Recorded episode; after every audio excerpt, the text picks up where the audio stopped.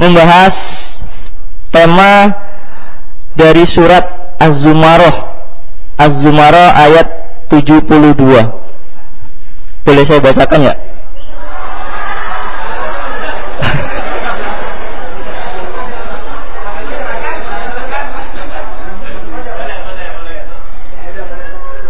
Baik saya bacakan sedikit saja. Artinya Bismillahirrahmanirrahim. Dikatakan kepada mereka Masukilah pintu-pintu neraka jahanam itu. Kamu kekal di dalamnya Maka neraka jahanam itulah seburuk-buruk tempat tinggal bagi orang-orang yang menyombongkan diri. Demikian ya, seperti itu. Baik, uh, karena waktu sudah menunjukkan setengah lima lebih. Uh, sebelumnya sudah dibuka belum? Sudah. Baik, uh, agar acara ini berjalan dengan baik dan mendapatkan keridhaan dari Allah Subhanahu wa taala, Mari kita bersama melafazkan basmalah. Bismillahirrahmanirrahim. Dan untuk selanjutnya saya berikan waktunya sepenuhnya oleh Ustadz Dicondro Triyono kepada Al Ustadz Al Mukarram Dwi Chandra Triyono falyatafaddal maskur.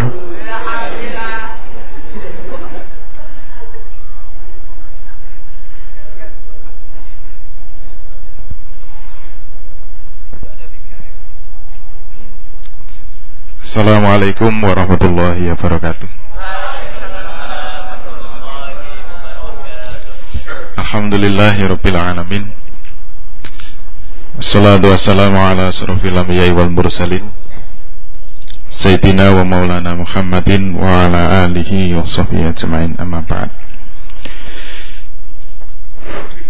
Bapak-bapak, ibu-ibu dan saudara-saudara sekalian yang dirahmati Allah Alhamdulillah pada sore hari ini kita bisa dipertemukan kembali oleh Allah Subhanahu wa taala dalam keadaan masih membawa iman dan Islam dalam keadaan sehat walafiat.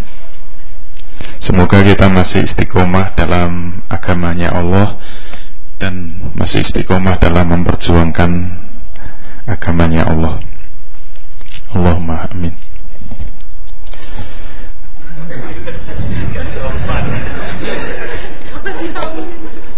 Hari Ahad kemarin saya mendapat kesempatan untuk mengisi training retorika di Semarang dari pagi sampai sore. Yang menarik adalah dalam training itu ada kesempatan untuk uji coba bagi peserta. Ada salah satu peserta yang sangat semangat, dia maju, kemudian menyampaikan pidatonya. Setelah selesai, kemudian saya minta peserta yang lain untuk memberikan masukan, evaluasi. Semuanya berkomentar bahwa pidatonya tidak menarik. Pidatonya terlalu monoton. Pidatonya terlalu kering. Pidatonya terlalu uh, terlalu grogi. Kurang lucu setelah evaluasi masuk saya tanya betul nggak yang disampaikan teman-teman betul terus komentar anda sendiri gimana dia mengatakan saya ini sudah sering ceramah sudah sering pidato selalu kritikannya begitu. Kenapa saya kalau pidato itu mesti terlalu monoton terlalu kering terlalu lugu dan tidak bisa lucu? Maka saya teringat seorang mahasiswa saya gitu. Seharusnya Anda belajar dengan mahasiswa saya yang kalau dia itu menyampaikan satu materi dari awal sampai terakhir semuanya tertawa nampaknya ilmu itu perlu dipelajari ya. Karena kalau MC-nya beliau selalu segar suasananya. Setiap ungkapan katanya tidak ada yang tidak lucu. Semuanya lucu.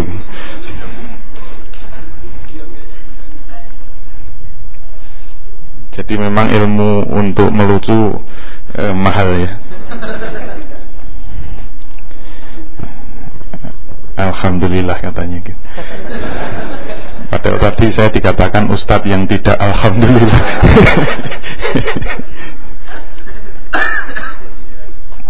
Baik untuk tema hari ini tadi sudah disampaikan yaitu dari surat Az-Zumar ayat 72 yaitu tentang sombong kita membahas tentang sombong kemarin ada permintaan dari panitia yang SMS ke saya supaya membahas tentang uh, kebangkrutan atau demo di Wall Street. Tidak saya tanggapi karena dari awal sudah saya sampaikan untuk kajian kami sore ini lebih banyak kepada pendekatan yang sifatnya value atau nilai. Tapi kalau pemikiran itu Jumat sore. Jadi nanti kalau ada yang usul pembahasan demo di Wall Street ke Pak Sidik aja yang Jumat sore. Jadi itu dirosat fil, fil fikril islami. Kalau ini dirosat fi, fil value Islam. value bahasa ya apa enggak tahu. ini sesuai instruksi ketua Hamfara jadi diharapkan materi di Hamfara itu eh, diseimbangkan karena sudah banyak kritikan mahasiswa Hampara itu sangat terkenal, sangat ngetop kalau bicara tinggi-tinggi, konsepnya tinggi-tinggi, idenya tinggi-tinggi, nggak tanggung-tanggung, yang diteriakkan tegaknya khilafah. Tetapi dari perilakunya masih banyak yang yang mendapatkan catatan dari alam sekitar. Jadi masih ada yang mengatakan ya ngomongnya tinggi-tinggi tapi eh, akhlaknya masih kurang islami, ada yang mengatakan begitu.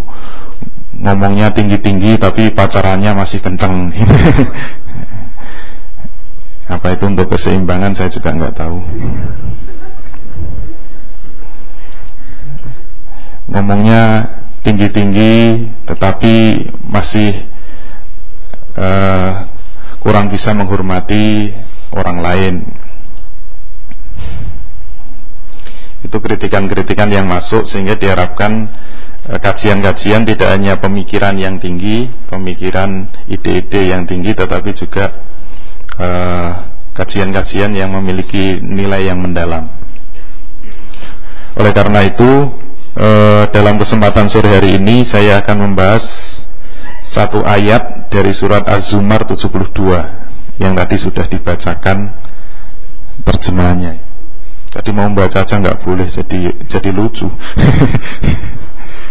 Harusnya kan nggak lucu ya. Baik ayat ini memang pendek ya.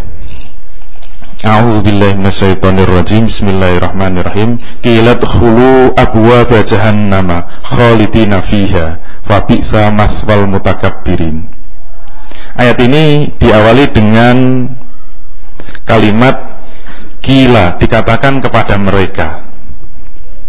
Jadi ini objeknya adalah kepada sekelompok manusia. Kila dikatakan kepada mereka.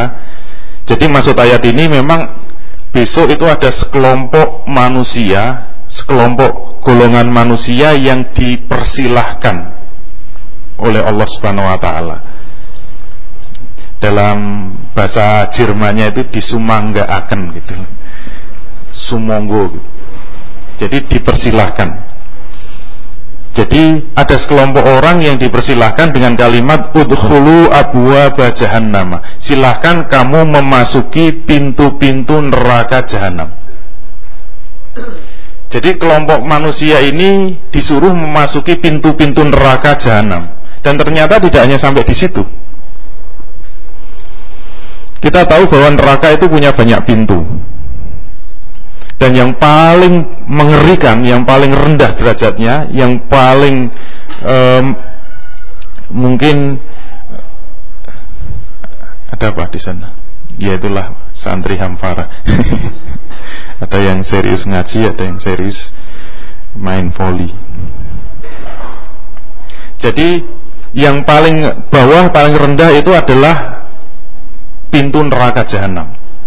Ternyata tidak hanya berhenti sampai di situ, kemudian ditambahi khalidina fiha. Dan mereka kekal di dalamnya. Jadi mereka tidak hanya disuruh masuk ke pintu neraka jahanam, tetapi dia akan kekal di dalam. Nah, kalau kita membaca ayat ini sampai di sini tentu akan bertanya, atas dasar apa sekelompok manusia ini harus masuk neraka, nerakanya saja yang paling rendah yaitu neraka jahanam, bahkan dia akan kekal di dalamnya. Atas kesalahan apa? Penjelasannya ada pada kelanjutan ayat tadi, fabi maswal mutakabbirin. Neraka jahanam itulah seburuk-buruknya tempat bagi orang-orang yang menyombongkan diri. Al-mutakabbirin Ternyata kesalahan dia Kenapa dia harus dimasukkan ke dalam neraka jahanam dan mereka kekal di dalamnya itu karena menyombongkan diri. Berarti hanya karena sombong saja dia bisa masuk neraka bahkan dia kekal di dalamnya. Tentu kita bertanya-tanya, bagaimana mungkin karena sombong saja bisa masuk neraka? Oleh karena itu, untuk memahami ayat ini kita tidak boleh menggunakan logika kita. Tidak boleh hanya otak-atik saja, tidak boleh hanya menggunakan akal saja. Tetapi kita harus memahami apa maksud atau tafsir dari ayat ini, terutama penjelasan dari Rasulullah Shallallahu Alaihi Wasallam yang berkaitan dengan ayat ini. Nah, kalau kita membaca kitab tafsir, maka ada penjelasan dari Rasul biasanya yang model tafsir yang di, dijelaskan menggunakan hadis ini Ibnu Katsir Imam Ibnu Katsir. Saya suka karena penjelasannya biasanya menggunakan penjelasan dari Rasul. Nah kalau kita melihat bagaimana penjelasan Rasul berkaitan dengan ayat ini Maka kita akan temukan ternyata betul ada penjelasan dari Rasul tentang sifat sombong yang bisa membuat orang itu tidak bisa masuk surga. Bahkan tidak mungkin masuk surga. Bahkan penjelasan dari Rasul ini sangat mengerikan kalau kita dengarkan disampaikan ketika Rasul bersama para sahabat. Jadi Rasul dikelilingi para sahabat seperti ini kemudian menyampaikan hadis ini. Nah hadisnya saya bacakan Rasulullah Shallallahu Alaihi Rasulullah Shallallahu Alaihi Wasallam bersabda, "La yadkhulul jannata." Hadisnya saja dibuka dengan kalimat yang mengerikan seperti itu. La yadkhulul jannata, tidak akan bisa masuk surga. La yadkhulul jannata, tidak akan bisa masuk surga. Maka nafi qalbihi misqalu dzarratin min kibrin Rasul menyampaikan tidak akan bisa masuk surga orang yang di dalam hatinya itu ada setitik saja, sebutir saja dari titik yang paling kecil menurut istilah bahasa Arab itu adalah zaroh. Seperti ayat, "Fama ya'mal misqala zarratin khairan yarahu." Zarah itu menurut istilah bahasa Arab itu titik yang paling kecil. Makanya banyak yang diterjemahkan dengan setitik atom. Ada yang mengatakan sebutir zarah Sebiji sawi. Karena biji yang paling kecil itu biji sawi. Itu mufasir Indonesia itu. Karena ngertinya sawi. Maka ada yang menerjemahkan zarah itu atom.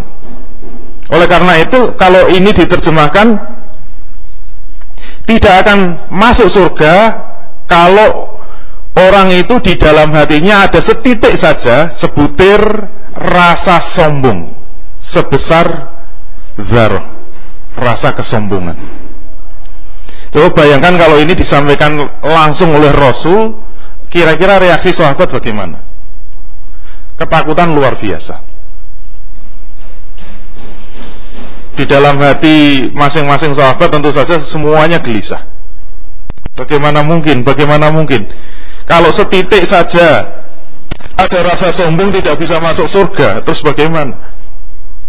Bayangannya sudah ke mana-mana. Kenapa? Kayaknya tidak mungkin orang hidup itu tidak punya rasa sombong itu nggak mungkin. Orang yang selucu ini aja bisa sombong.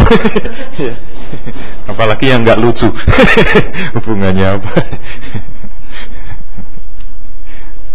nggak sadar kalau kalau, dirinya itu lucu. Ini MC kesayangannya Hamfara. Semua orang itu pasti punya sifat sombong, semua orang di dalam hatinya itu pasti pernah melakukan muncul perasaan sombong. Mungkin ketika beli baju baru mesti akan merasakan wah baju saya paling bagus. Itu sudah sombong kan. Mungkin apa? Sepatunya bagus, dia sudah merasa sombong. Kopiahnya baru sudah merasa sombong. Baru saja diterima Hamfara sudah sombongnya minta. Ketawa? Pelecehan.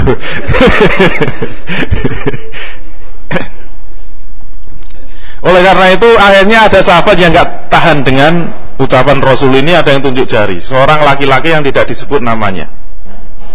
Dalam hadis ini dikatakan kola rojulun. Berkata seorang laki-laki dia tunjuk kepada Rasul. Ya Rasul, inna rojula yuhibbu ayyakuna saubuhu hasanan wa na'luhu hasanatan. Dia mengatakan begitu. Dia tunjuk jari, "Ya Rasulullah, Sesungguhnya ada seorang laki-laki yang dia itu sangat suka untuk pakai baju yang baru. Dan dia juga suka, sangat suka pakai sandal yang baru atau sepatu yang baru. Maksudnya apa? Kalau ada orang yang suka pakai baju baru, mungkin suka pakai kopiah baru, suka pakai mobil baru, suka pas punya rumah baru, kemudian sombong, apakah ini tidak termasuk kategori orang yang sombong dan apakah dia kemudian tidak bisa masuk surga? Itu pertanyaan para sahabat. Ternyata jawab Rasul apa? Jawab Rasul ternyata di luar dugaan para sahabat. Jawabannya apa? Kola Rasul menjawab, Innallaha Innallaha jamilun yuhibbul jamal. Ternyata jawabnya sangat singkat, tegas, pendek. Innallaha jamilun. Sesungguhnya Allah itu maha indah dan sangat menyukai keindahan. Artinya apa? Kalau kita itu suka yang indah-indah, kebetulan kita baru memakai baju yang indah, baju yang baru, kemudian muncul rasa suka itu ternyata tidak masuk kategori sombong yang membuat orang tidak masuk surga. Tidak bisa masuk surga. Berarti sombong yang bisa membuat orang tidak bisa masuk surga bukan itu. Maksudnya begitu. Alhamdulillah. Besok baju yang baru pakai aja. Pengumuman. Kopiannya baru enggak?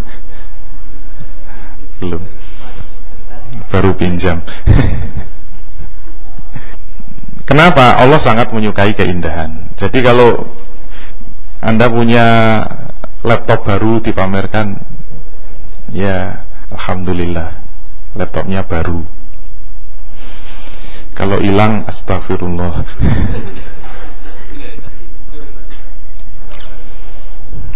Kemudian hadis ini belum selesai. Nah, penjelasan yang paling penting itu adalah penutup hadis ini ketika Rasul mengatakan al-kibru. Terus yang disebut sombong itu apa? Rasul mengatakan al-kib al-kibru sombong itu ternyata ada dua. Yang pertama adalah batarul haq, yang kedua adalah wa nas.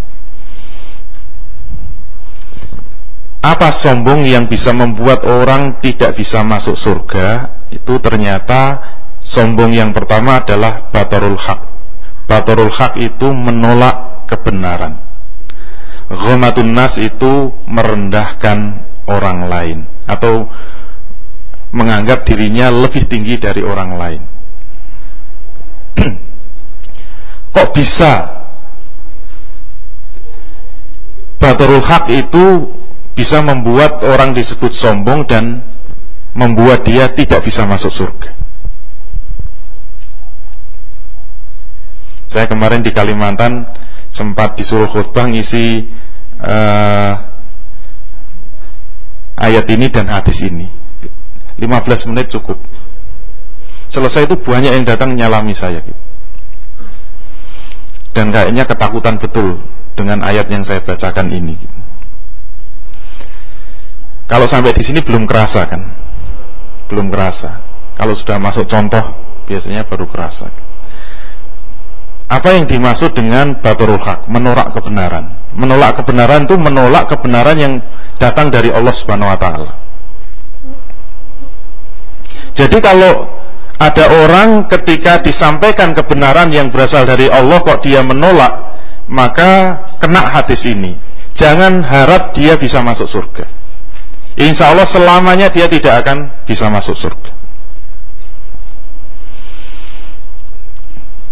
Nah, kalau memberi contoh, di sinilah ilmu retorika harus dimainkan.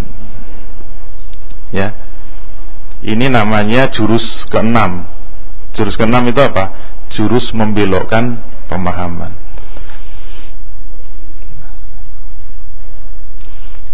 Kalau kita ngisi pengajian di masyarakat, membahasnya langsung judulnya misalnya politik Islam, wah muntah-muntah itu. Masyarakat simbah-simbah juga bingung ngopo lele bahas kayak ngono ra tapi kalau judulnya sombong itu kan wah di hati itu didengarkan enak gitu. apa judul e, pengajian hari ini membahas tentang sombong? Wah yang dengarkan kan meluntruk semua takut kan? Kalau ada yang jenggelek sombong. Diharap semua gitu. sejuk kan kalau membahas masalah hati gitu tetapi sesuai dengan ilmu retorika, nanti ada saat di mana pembahasan itu dibelokkan pelan-pelan. Nah, titik beloknya itu di sini. Yaitu ketika memasukkan contoh. Tetapi supaya belokannya itu tidak terlalu kasar. Anda kalau nyopir itu kelihatan sopir yang profesional atau sopir karbitan itu kan kelihatan ketika belok gitu. Kalau belok kemudian penumpang itu membalik semua itu kelihatan sopirnya nggak profesional. Kalau smooth itu beloknya itu enak. Walaupun setajam apa pun terasa smooth, gitu. nggak kebanting.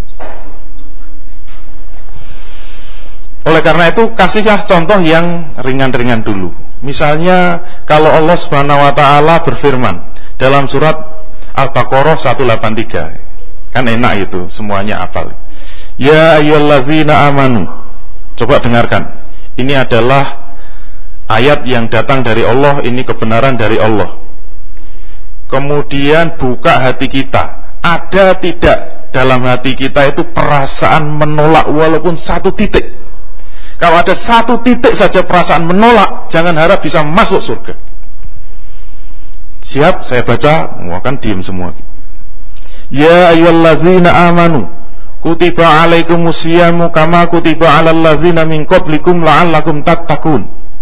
Wahai orang-orang yang beriman, telah diwajibkan atas kamu sekalian berpuasa sebagaimana yang telah diwajibkan atas orang-orang sebelum kamu agar kamu menjadi orang yang bertakwa. Bapak Ibu sekalian, ada yang menolak ayat ini? Tidak. Wah, semangat. Alhamdulillah. Tidak ada yang sombong.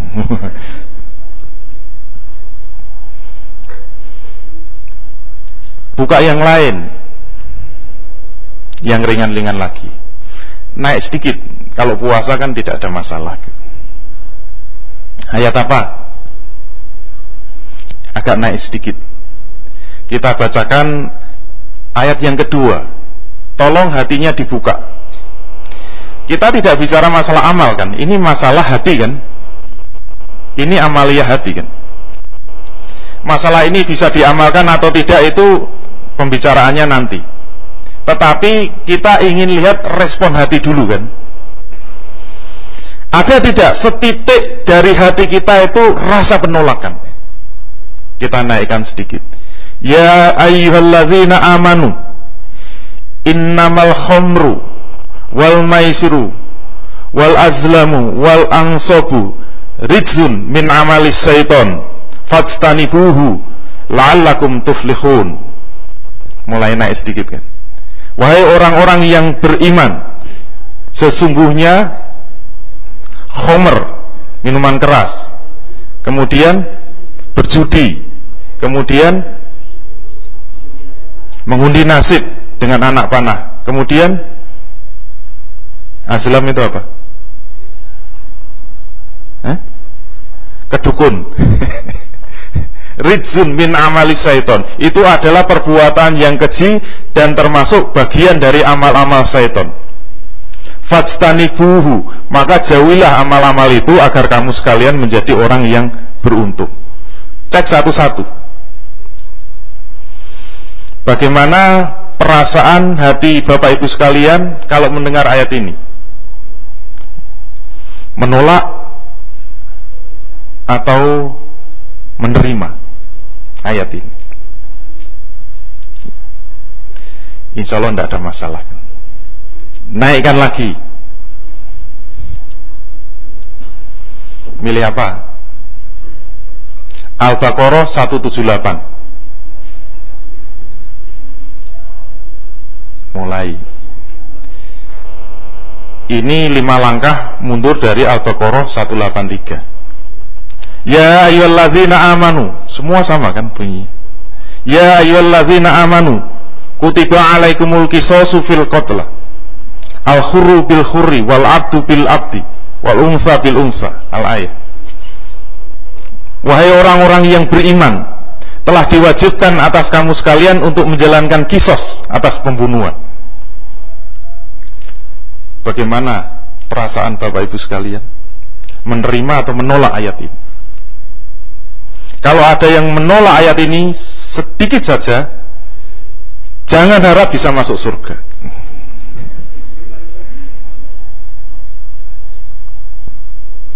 Masalah ini bisa diamalkan atau tidak itu masalah nanti. Saya hanya ingin melihat perasaan Bapak Ibu sekali. Karena ini untuk mengukur apakah ada rasa kesombongan atau tidak. Kalau ada sedikit saja rasa benci, masa orang sudah menjalankan kisos ada setitik saja penolakan untuk menjalankan kisos ini jangan harap bisa masuk surga gimana? Tidak ada masalah naikkan lagi pilih apa? Al-Maidah 38 Asariku wasarikotu fakto'u aidiyahumah pencuri laki-laki dan pencuri perempuan, maka potonglah tangan dari keduanya. Kalau ada pencuri, kita diperintahkan untuk memotong tangan. Bagaimana perasaan Bapak Ibu sekalian? Menerima atau menolak? Kalau disuruh menjalankan hukum potong tangan, menerima atau menolak? Kalau ada titik saja rasa penolakan, jangan bermimpi bisa masuk surga.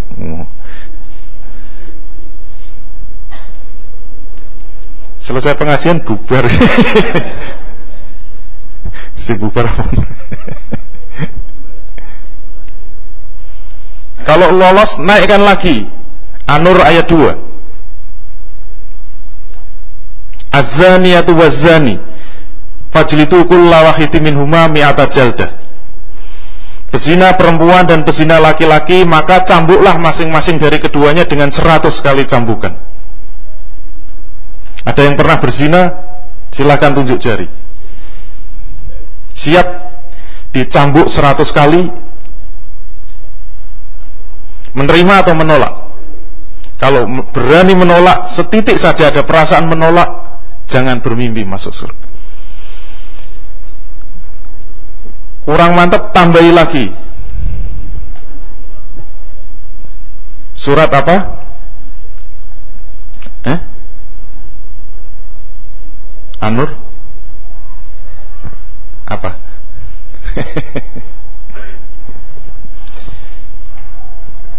nah, itu hanya sebagai tolok ukur, sebagai pengukur apakah ada rasa sombong atau tidak di dalam diri kita. Kita bisa kembangkan lebih luas sejauh yang uh, sudah kita siapkan sesuai dengan waktunya.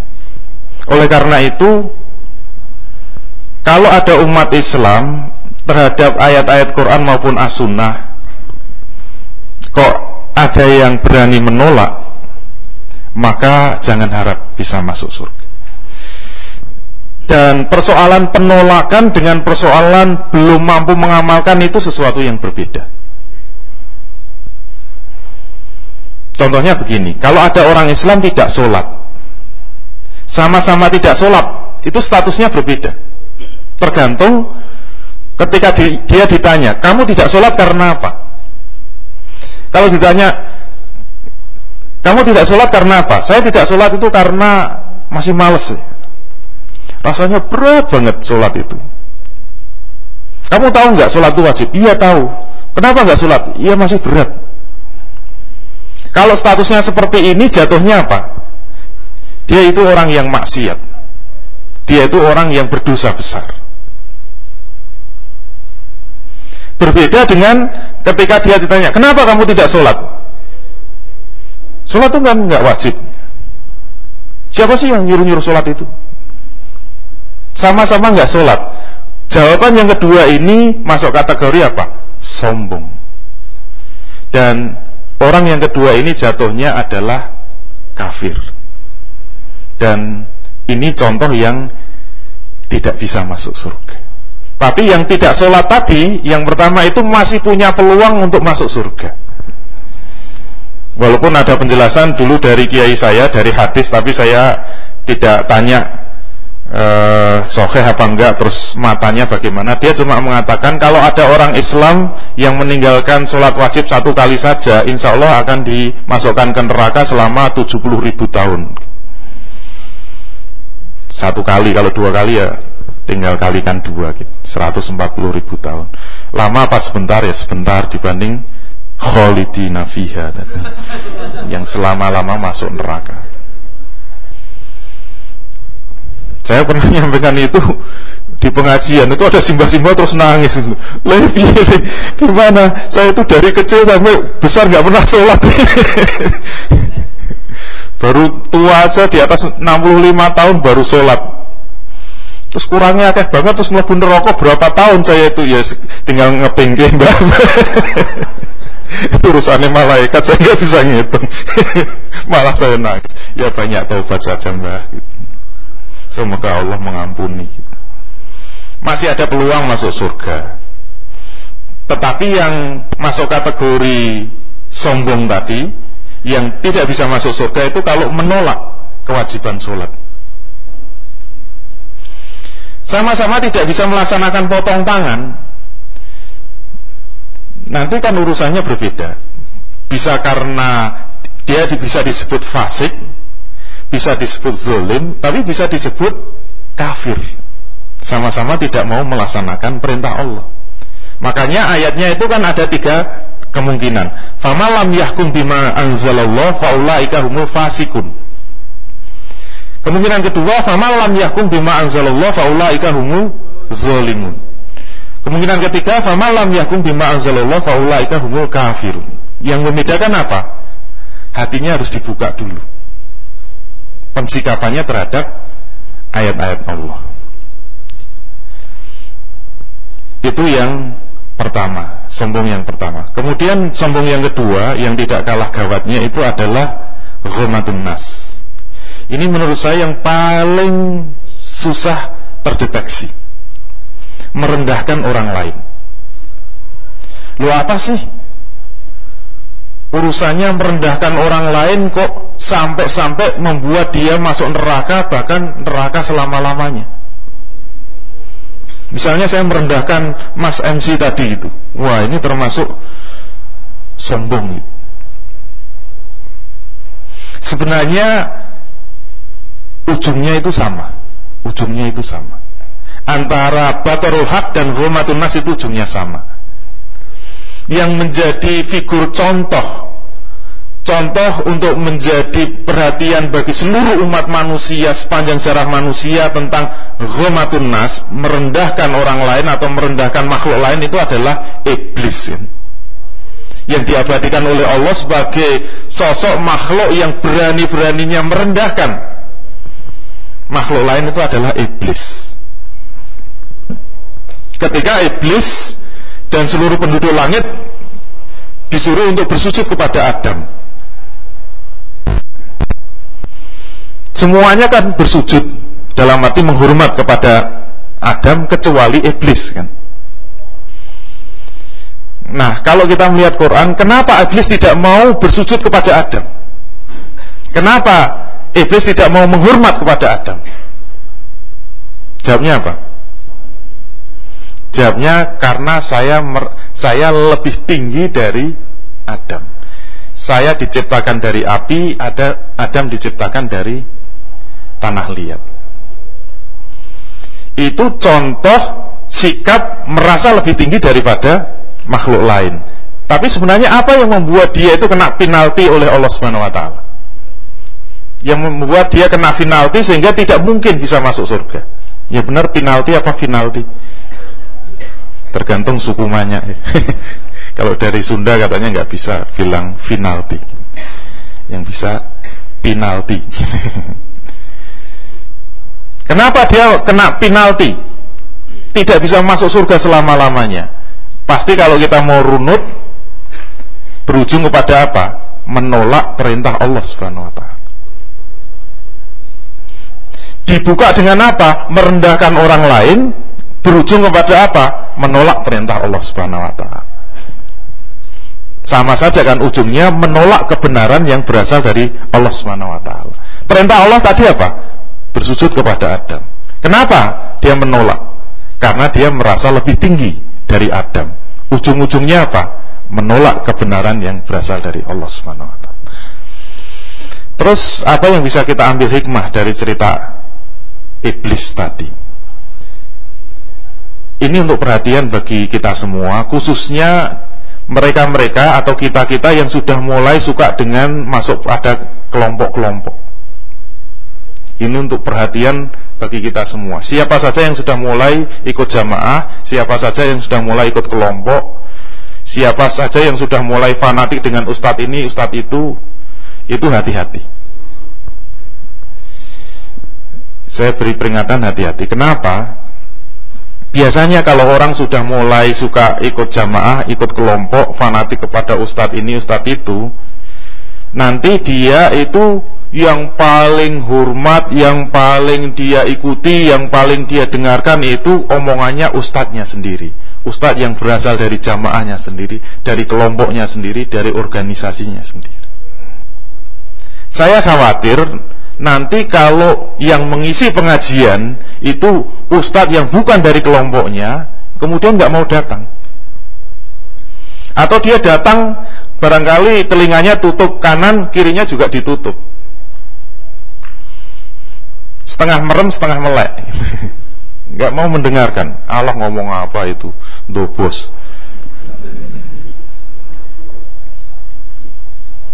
saya khawatirnya apa itu kan titik-titik permulaan rasa sombong tadi kenapa dia sudah mulai merasa dirinya lebih hebat dari ustadz itu atau sebaliknya dia sudah merendahkan ustadz itu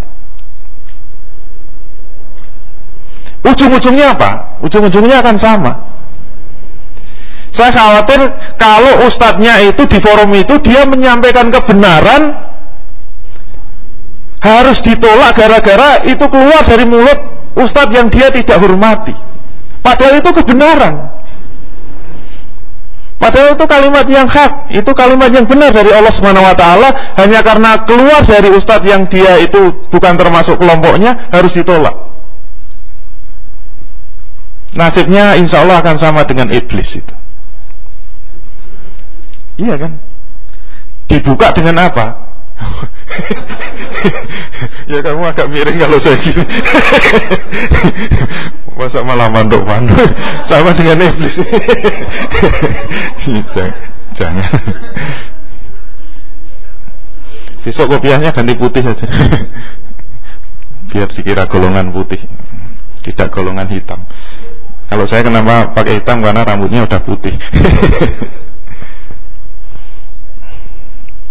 Termasuk nanti kalau misalnya tiba-tiba kita dinasihati oleh orang yang mungkin pendidikannya itu rendah. Mungkin dia itu nggak pernah ngaji di pesantren. Mungkin dia orang tidak terkenal, tidak bertitel. Ya gara-gara orangnya itu tidak berpendidikan, tidak terpelajar padahal kita mahasiswa dinasihati orang kemarin sore. Apalagi dia cuma pengemis gitu.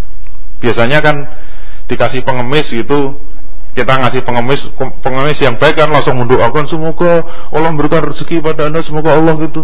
Udah nggak usah doa untuk saya kamu aja sendiri yang doa biar nggak miskin gitu nggak ngemis terus. Bahaya loh itu omongan kayak gitu. Kalau ada unsur merendahkan jangan-jangan ucapan-ucapannya itu ada yang benar hanya karena dibuka karena kita merendahkan orang itu kebetulan dia posisinya lagi jadi pengemis, kita lagi bawa mobil. Padahal mungkin doa-doanya itu ada doa-doa yang hak. Doa-doa yang itu sebenarnya berasal dari Al-Qur'an walaupun terjemahannya. Kalau itu ada kalimat yang benar walaupun itu muncul dari mulut orang yang yang tidak tidak punya kelas, hati-hati.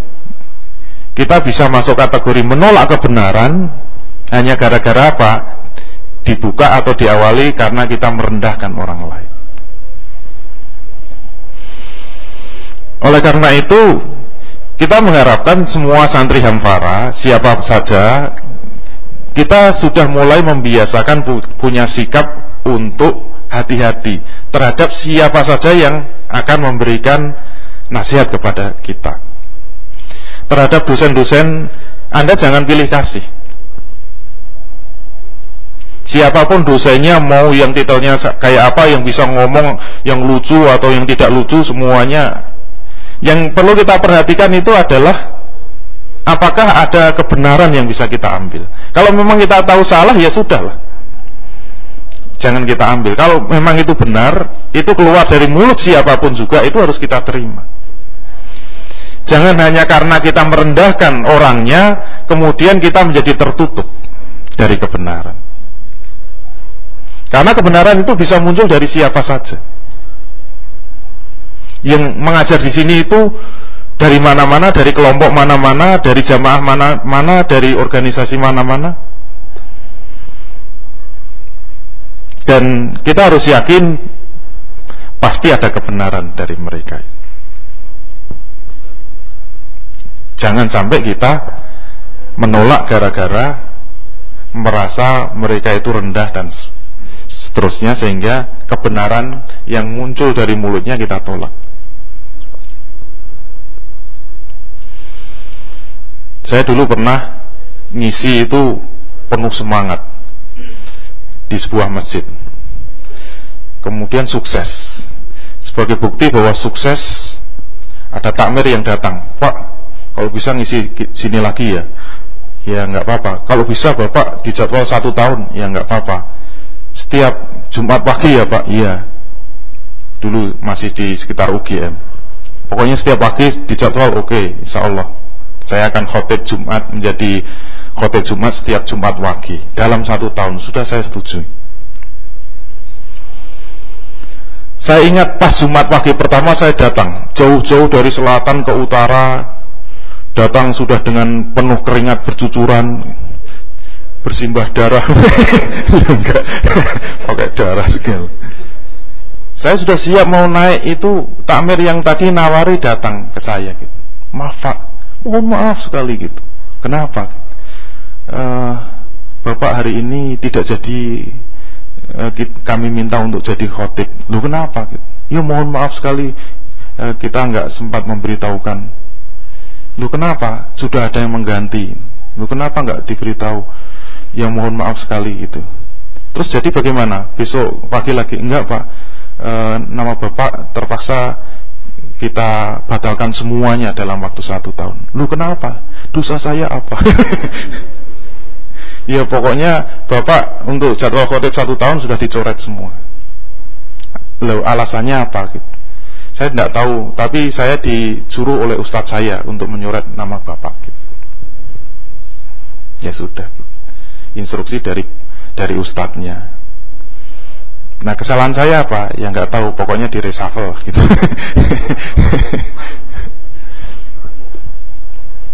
ya saya sih tidak apa-apa, tapi saya khawatir jangan-jangan karena saya membawa kelompok.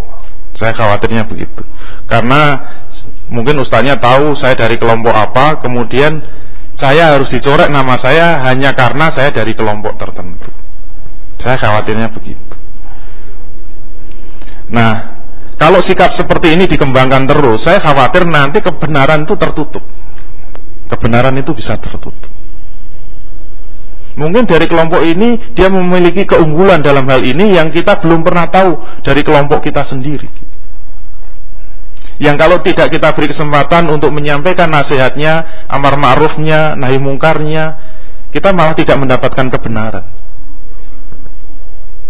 Itu bahayanya begitu kan hanya karena berbeda kelompok kemudian kita sekat begitu saja tutup akhirnya ilmu itu kan tertutup kebenaran tertutup tidak tersampaikannya yang hak kepada kita itu berbahaya gitu. Itu contoh yang membahayakan kalau kita itu sudah mulai punya sikap merendahkan orang lain. Nah, orang, karena itu biasanya di dalam tradisi pesantren sikap sikap lawan dari menyombongkan diri itu selalu dikembangkan yaitu apa? Sikap tawaduk kan? Teman-teman santri saya dulu selalu menyebut tawaduk itu apa? Ketawa sambil sambil duduk soalnya biasanya bersila sambil ketawa-ketawa itu tawaduk nah biasanya ajaran yang paling terkenal untuk mengajarkan sikap tawaduk itu adalah Imam Ghazali Dulu saya dapat pelajaran dari pesantren, walaupun kalau kita pikir secara rasional agak kebablasan ya. Tapi ini sebenarnya hanya amalia hati, bukan untuk diamalkan dalam dalam dakwah. Contohnya begini, masih berapa menit? Imam Ghazali itu memberikan ajaran yang super hati-hati supaya kita tidak terperosok di dalam kesombongan. Bagaimana agar kita tidak terjatuh dalam kesombongan? sikap yang diberikan yang dituntunkan Imam Ghazali itu sangat hati-hatinya mungkin sampai kita itu menganggap ini berlebihan tapi sebenarnya enggak kalau hanya untuk kontrol hati enggak ada masalah contohnya begini Imam Ghazali mengajarkan kalau kalian bertemu dengan anak kecil berhati-hatilah kalian itu harus hormat kepada anak kecil kenapa anak kecil itu dosanya masih sedikit dibandingkan dengan anda anda yang umurnya lebih tua itu pasti dosanya lebih banyak daripada anak kecil. Anda jangan merasa lebih hebat daripada anak kecil. Anda harus menghormati anak kecil. Kenapa? Dosa saya, dosa Anda itu mesti lebih banyak daripada anak kecil. Maka kalau dengan anak kecil itu kita harus menghargai, menghormati, benar-benar tidak menyombongkan diri dengan anak kecil. Kenapa? Dosanya lebih kecil. Jadi kalau ketemu anak kecil hati-hati ini dosanya masih sedikit nih. ini lugu tidak banyak dosa. Harus hati-hati ya. Itu pelajaran pertama. Pelajaran kedua apa? Kalau bertemu dengan orang tua. Kalau bertemu orang tua jangan sampai kita sombong. Kita harus menghormati orang tua. Kenapa? Karena orang tua itu amalnya mesti lebih banyak daripada kita. Jadi jangan menyombongkan diri. Sejelek-jeleknya orang tua itu mesti amalnya lebih banyak dari kita. Sampai itu baru 20, dia sudah umurnya 80. Ayo, sembayangnya lebih lama mana coba gitu. Kita dengan orang tua mesti kalah. Kenapa? Amalnya lebih banyak daripada kita yang masih muda. Maka kalau dengan orang yang lebih tua kita harus menghormati. Jangan sombong, jangan merasa lebih hebat daripada orang tua. Kenapa? Karena amalnya lebih banyak dari. Itu orang tua. Masih ada lagi? Masih. Yang ketiga, sampai kalau ketemu orang yang berbuat dosa, orang yang bermaksiat, kita tetap tidak boleh sombong. Kenapa? Kalau ketemu orang lagi maksiat, mahasiswa hambara kok pacaran ya. Yang penting kan menata hatinya gitu. Kalau ketemu orang maksiat kita tetap tidak boleh sombong. Kenapa? Dia itu bermaksiat kenapa? Mungkin ilmunya masih sedikit. Sedangkan kita yang ilmunya banyak aja rajin maksiat kok gitu. Jadi kita jangan sombong dengan orang yang suka maksiat. Kenapa? Dia itu berbuat maksiat itu mungkin karena ilmunya masih sedikit. Ya, jadi harus hati-hati. Maka kita tidak boleh sombong. Ingat ini hanya hati ya. Nanti terus dimbarno. Jangan terus dibiarkan maksiat terus malah dihormati. Selamat maksiat, semoga lekas sembuh. Makanya ini bukan masuk amaliah dakwah tapi amaliah hati supaya kalau kita mau mendakwah mendakwahi pun tidak dengan rasa sombong. Mendakwahi orang yang lagi maksiat pun kita itu bisa bersikap tidak sombong. Kenapa? Ya mungkin dia masih begitu karena ilmunya mungkin belum sampai. Ilmunya mungkin masih sedikit. Kita ini lebih banyak dosanya, ilmunya banyak tapi rajin maksiat. Ada yang lebih ekstrim lagi? Yang lebih ekstrim lagi itu yang keempat Sampai ketemu orang kafir pun kita tetap tidak boleh sombong. Ini Imam Ghazali ya. Kenapa? Karena kalau sampai ketemu orang kafir itu tetap kita harus hati-hati. Kenapa? Karena kalau sekarang dia itu kafir, jangan-jangan menjelang ajalnya dia itu dia mendapat hidayah. Terus masuk Islam. Lah orang kafir kalau kafir terus mau mati kurang satu menit masuk Islam itu kan bersih itu dosanya gitu. Malah ma langsung masuk surga itu. Iya enggak? Hati-hati sama orang kafir. Sama Josbus itu jangan mentang-mentang Josbus dicaci maki. Iya kalau dia mau mati masuk Islam. itu kekafirannya nggak dihitung itu. Enak kan?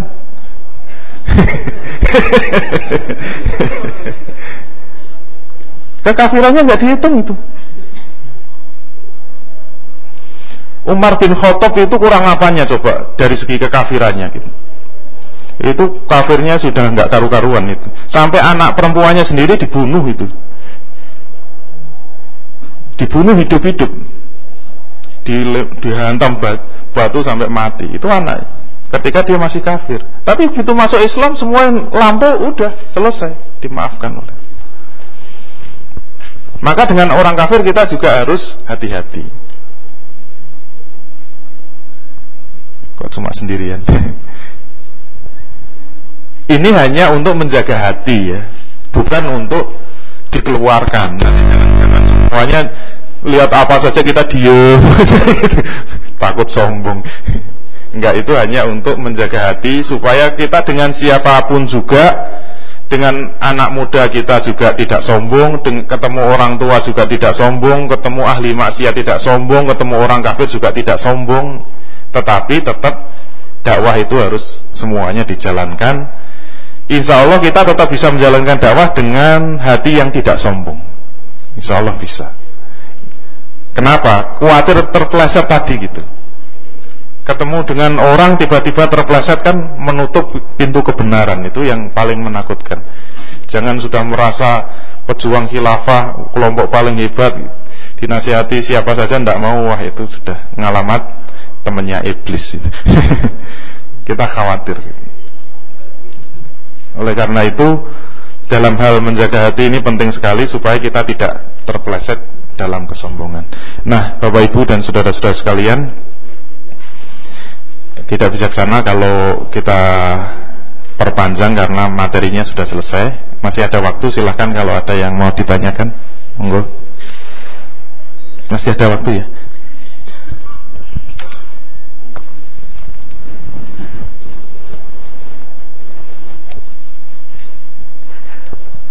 Alhamdulillahirrahmanirrahim Pendengar yang berbahagia Setelah mendengarkan penjelasan dari Ustaz Condro mungkin dari rekan-rekan semuanya menyimpan pertanyaan. Kami beri kesempatan setiap ikhwan dan akhwat menanyakan satu pertanyaan satu pertanyaan. Satu pertanyaan satu ikhwan satu akhwat. Silakan. Ada? Satu dua tiga. Tidak ada Baik Sebagai penutup saya ingin cerita sedikit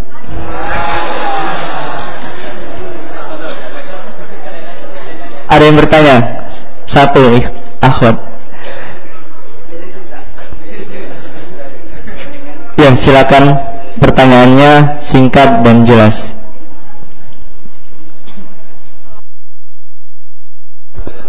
Waalaikumsalam warahmatullahi wabarakatuh.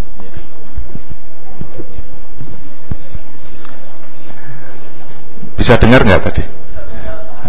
Jadi Akhwat tuh seneng sukanya itu bercanda tapi sampai kebablasan gitu loh.